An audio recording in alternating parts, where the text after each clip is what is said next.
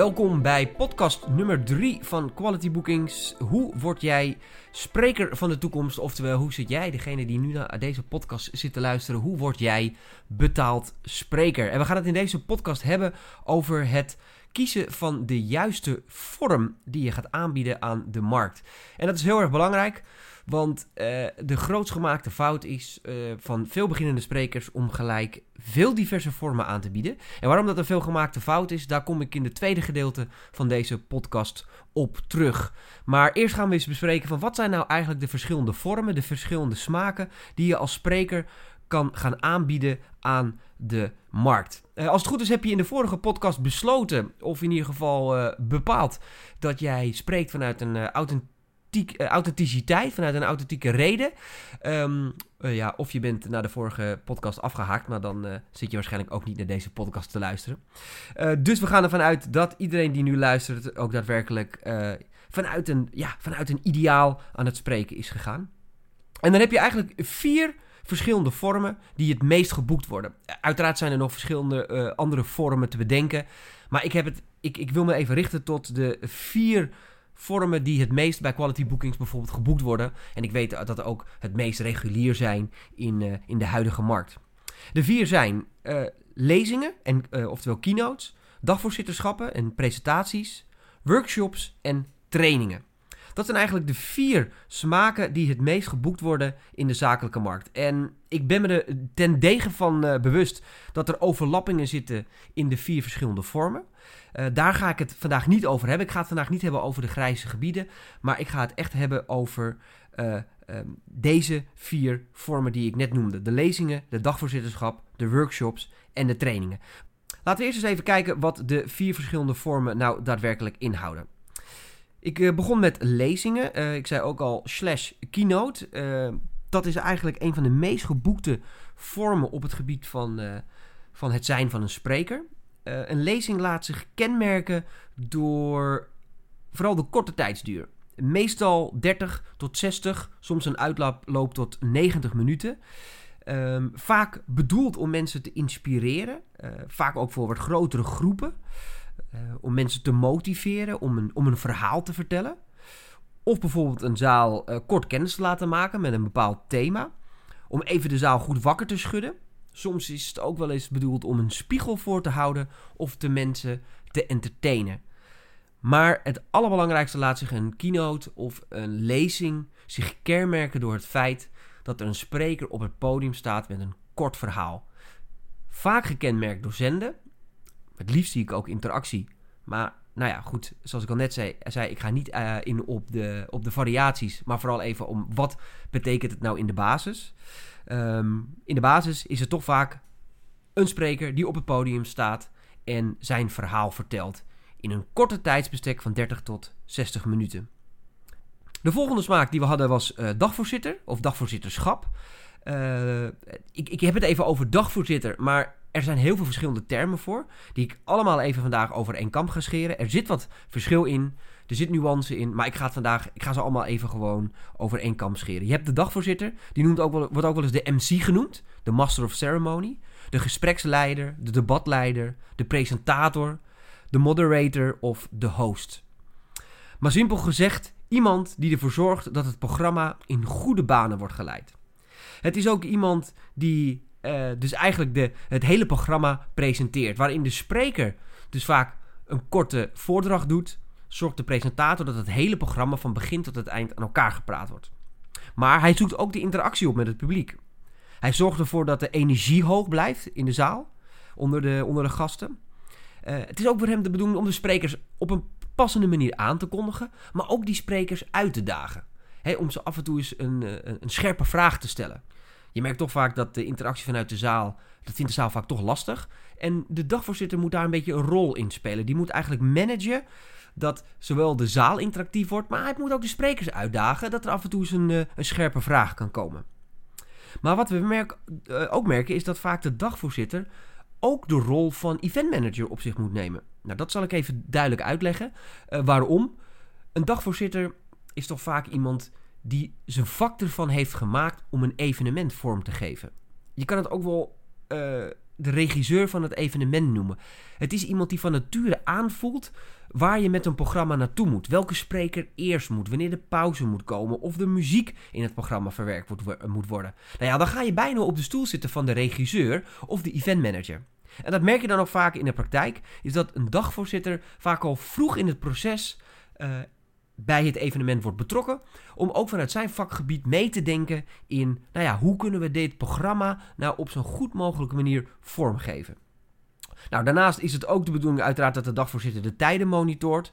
Het wil nog wel eens gebeuren dat keynote sprekers wat uitlopen. Dan is het een hem de taak om die op een hele correcte, originele, maar wel dwingende manier te verzoeken om, uh, om hun keynote te eindigen. Maar wat natuurlijk ook heel erg belangrijk is, en ik tipte het net al een klein beetje aan, is het publiek opwarmen voor de spreker. Dat is iets wat in comedyland, uh, bij stand-up comedians, veel gebeurt. Is dat voordat een comedian start met zijn show, uh, dan is er vaak een MC, een master of ceremony, die het publiek opwarmt om ze eigenlijk klaar te maken voor de comedy. Want om aan comedy te kunnen beginnen, moet het publiek in een bepaalde state of mind zijn. Die moeten snappen wat er komen gaat. Die moeten eigenlijk psychologisch klaargemaakt worden om de lach aan te kunnen, om de humor aan te kunnen. Dat moet eigenlijk ook gebeuren op inspiratieniveau. Op het moment dat een spreker voor een kale zaal, voor een kille zaal, voor een niet opgewarmde zaal zijn keynote presentatie moet geven, dat is heel erg lastig. En waarom? Omdat een spreker vaak in de eerste 2, 3 minuten het publiek voor moet winnen. Lukt dat niet, dan wordt het vaak een lastige 30 tot 60 minuten. Nou, hier is de rol van de dagvoorzitter ook erg belangrijk. Om dus ervoor te zorgen dat het publiek eigenlijk op wordt gewarmd voor het thema wat komen gaat. En dat is bij elke spreker anders. Als het een inspiratieverhaal is over iemands leven, omdat hij iets heel bijzonders heeft meegemaakt, dan moet het publiek anders opgewarmd worden dan dat er een professor komt vertellen over leiderschap of over teambuilding. Dat is dus de kunst van de dagvoorzitter. En natuurlijk, bovenal, belangrijkste, de rol van de dagvoorzitter en de presentator is natuurlijk ook het entertainen van het publiek. Het is de persoon die de gasten in de zaal het meeste voorbij zien komen. En hij moet er wel voor zorgen dat de energie in de zaal blijft en dat mensen geboeid blijven. En ook van begin tot het eind alle informatie tot zich kunnen nemen. Uh, ik vind het altijd heel erg leuk om te kijken naar twee verschillende vormen van dagvoorzitterschap. Eén uh, is uh, iemand die vakinhoudelijk, vakinhoudelijke kennis heeft van het thema. En je hebt soms dagvoorzitters die totaal geen kennis hebben van hetgeen wat besproken wordt die dag. En beide vormen zijn interessant om naar te kijken. Want ja, uh, voor sommige bijeenkomsten is het van essentieel belang om een dagvoorzitter te hebben die verstand heeft van de materie die besproken wordt die dag. Omdat je wil dat hij ook debatten leidt en dat hij ook meegaat in de gesprekken, ook de mensen kan inspireren. Nou ja, dan is het vaak handig om een dagvoorzitter te hebben die kennis heeft van het thema. Maar soms is het juist ook wel leuk om iemand te nemen van volledig buiten het vakgebied. Misschien wel een cabaretier. Of juist gewoon iemand die wel een visie heeft op ondernemerschap, maar niet direct een link heeft met het thema. Waardoor die er vaak soms ja, beter in slaagt om ook de mensen in de zaal een spiegel voor te halen, houden. Om ze soms de materie even wat te vereenvoudigen. En om soms ook gewoon mensen even uit hun comfortzone te trekken. Tot zover de dagvoorzitter. Dan de derde smaak die we hadden zijn de workshops. De workshops is eigenlijk een, een langere versie van een keynote. Het is vaak een halve dag of een hele dag. En in plaats van dat een keynote vaak zenden is, is een workshop heel interactief. Oftewel, de spreker gaat echt aan de slag met de groep. Het is dus ook echt werken met vaak wat kleinere groepen, waardoor die één op één aandacht er ook veel meer is waarbij je uh, als kinospreker een zaal van duizend man aan kan, is dat bij een workshop vaak niet wenselijk. Uiteraard zijn er uitzonderingen, maar in de basis is het niet wenselijk om met hele grote groepen te werken, omdat je in een workshop echt aan de slag gaat met mensen. De vierde smaak, dat is de training. En bij de training, dat is weer eigenlijk een XXL-versie van de workshop. Uh, heel veel verschil zit er denk ik niet in. Maar een training gaat, is, is vaak een langer traject. Het is vaak ook in-house bij bedrijven. En het is vaak, vaak meerdere dagen. En waar bijvoorbeeld de workshop vaak meer de richting aangeeft waar het bedrijf naartoe moet. Uh, personeel of mensen tools meegeeft om vervolgens aan de slag te gaan, krijgt de trainer vaak een hele concrete doelstelling mee en gaat niet eerder weg voordat die doelstelling ook is bereikt. Nou, dat zijn eigenlijk de vier smaken die er zijn. We hebben het gehad over het geven van lezingen, dagvoorzitterschap, workshops en trainingen. En waarom is het nou in de beginfase zo belangrijk om te kiezen welke vorm je in de markt gaat zetten? Want u zal misschien denken, ja, een uh, spreker kan toch ook een goede dagvoorzitter zijn? Of een dagvoorzitter kan ook een goede spreker zijn of een workshop geven? Dat zal allemaal waar zijn. En ik, zoals ik al eerder heb benoemd in deze podcast, ga ik het vandaag niet over de uitzonderingen hebben. Want u gaat mij waarschijnlijk allemaal mailen hierna van ja, maar hey, ik ken wel een aantal sprekers die ook heel succesvol zijn in dagvoorzitterschap. En andersom, tuurlijk. Maar dat is veel meer de uitzondering dan de regel. Want in de basis is het voor een opdrachtgever, die uiteindelijk jou weer moet boeken, heel erg moeilijk om die vertaalslag te maken. Als jij, als jij namelijk op je website hebt staan dat je en spreker en dagvoorzitter en workshops geeft en een trainer bent, is het vaak heel erg lastig voor een opdrachtgever om in te schatten waar nou je specialiteit ligt. Want dat is waar ze je namelijk uiteindelijk voor gaan boeken, je specialiteit. Dus ik adviseer altijd sprekers. Op het moment dat je gaat beginnen aan een nieuwe carrière, begin eerst eens met één vorm. Begin eerst als spreker, of begin als dagvoorzitter, of begin met het geven van workshops, of begin als trainer. En waarom? Om die autoriteit te claimen op dat vakgebied. Dat is heel erg belangrijk, want op basis daarvan gaan de opdrachtgevers jou uiteindelijk het werk gunnen. Uiteindelijk, als je een klusje in huis hebt, ga je je toilet ook niet laten ontstoppen door een tuinman of andersom. Dat wil helemaal niet zeggen dat die tuinman je toilet niet kan ontstoppen, maar daar ga je hem uiteindelijk niet voor inhuren.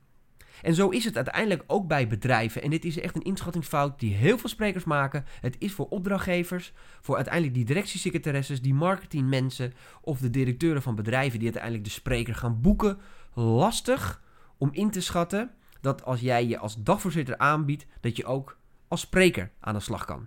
En uiteindelijk is dat ook zo, want het is ook echt een vak apart. Natuurlijk is het zo dat in de praktijk, als jij als spreker aan de slag bent, dat het wel eens gebeurt dat een bedrijf zegt van... hé hey joh, je, je babbelt zo leuk als spreker, kan je ook niet ons programma aan, de, uh, aan elkaar praten? Of kan jij niet ook onze dagvoorzitter zijn? Of kan je misschien van deze lezing een workshopvorm verzorgen? Dat kan allemaal. En dat is ook mooi als het vanuit een organische... Uh, als het organisch groeit, die vraag, dan is het fantastisch om dat te doen. Maar Nogmaals het advies om dat niet gelijk vanaf de start allemaal op je website te zetten. Daarnaast, mocht je op een gegeven moment op het punt komen dat je zegt van nou goed, ik heb me als spreker in de markt gezet. Dat gaat nu heel erg goed. Ik zit op het aantal boekingen wat ik van tevoren had gehoopt, waar ik van had gedroomd. En ik wil nu eigenlijk een volgende stap maken. Uh, uiteraard moet dat weer vanuit een authenticiteit voorkomen. Hè? Daar moet weer een soort passie achter zitten om dan vervolgens de stap bijvoorbeeld naar dagvoorzitter te maken. Uh, als je het alleen maar weer doet om weer extra geld te verdienen, adviseer ik je al direct, doe het dan niet en stop die energie in de huidige vorm. Maar als het voortkomt vanuit een authenticiteit of je merkt dat de vraag is vanuit de markt en je wil de stap maken naar dagvoorzitter, op marketingniveau adviseer ik je dan om er een apart label van te maken. Wat je heel veel ziet gebeuren bij sprekers, is dat ze het zichzelf dan makkelijk maken en gewoon een kopje aanmaken op hun website ik ben nu ook te boeken als dagvoorzitter. En gaan weer zitten wachten tot opdrachtgevers zelf bedenken: Goh, misschien is die spreker ook wel leuk om in te huren als dagvoorzitter. Dat zou ik absoluut niet doen, om nogmaals, je, omdat je die autoriteit moet claimen. Dus als je ervoor kiest om als spreker jezelf ook als dagvoorzitter te verkopen, maak er een nieuwe website voor. Maak er een nieuw label van, zodat ook als nieuwe klanten op die dagvoorzitter label komen, ook weer die autoriteit herkennen. Nou, dit zijn een beetje de vier smaken die je in de markt kan zetten. De volgende podcast gaat over het claimen van een thema. Bedankt voor het luisteren naar deze, naar deze podcast en uh, op naar de volgende. Dankjewel.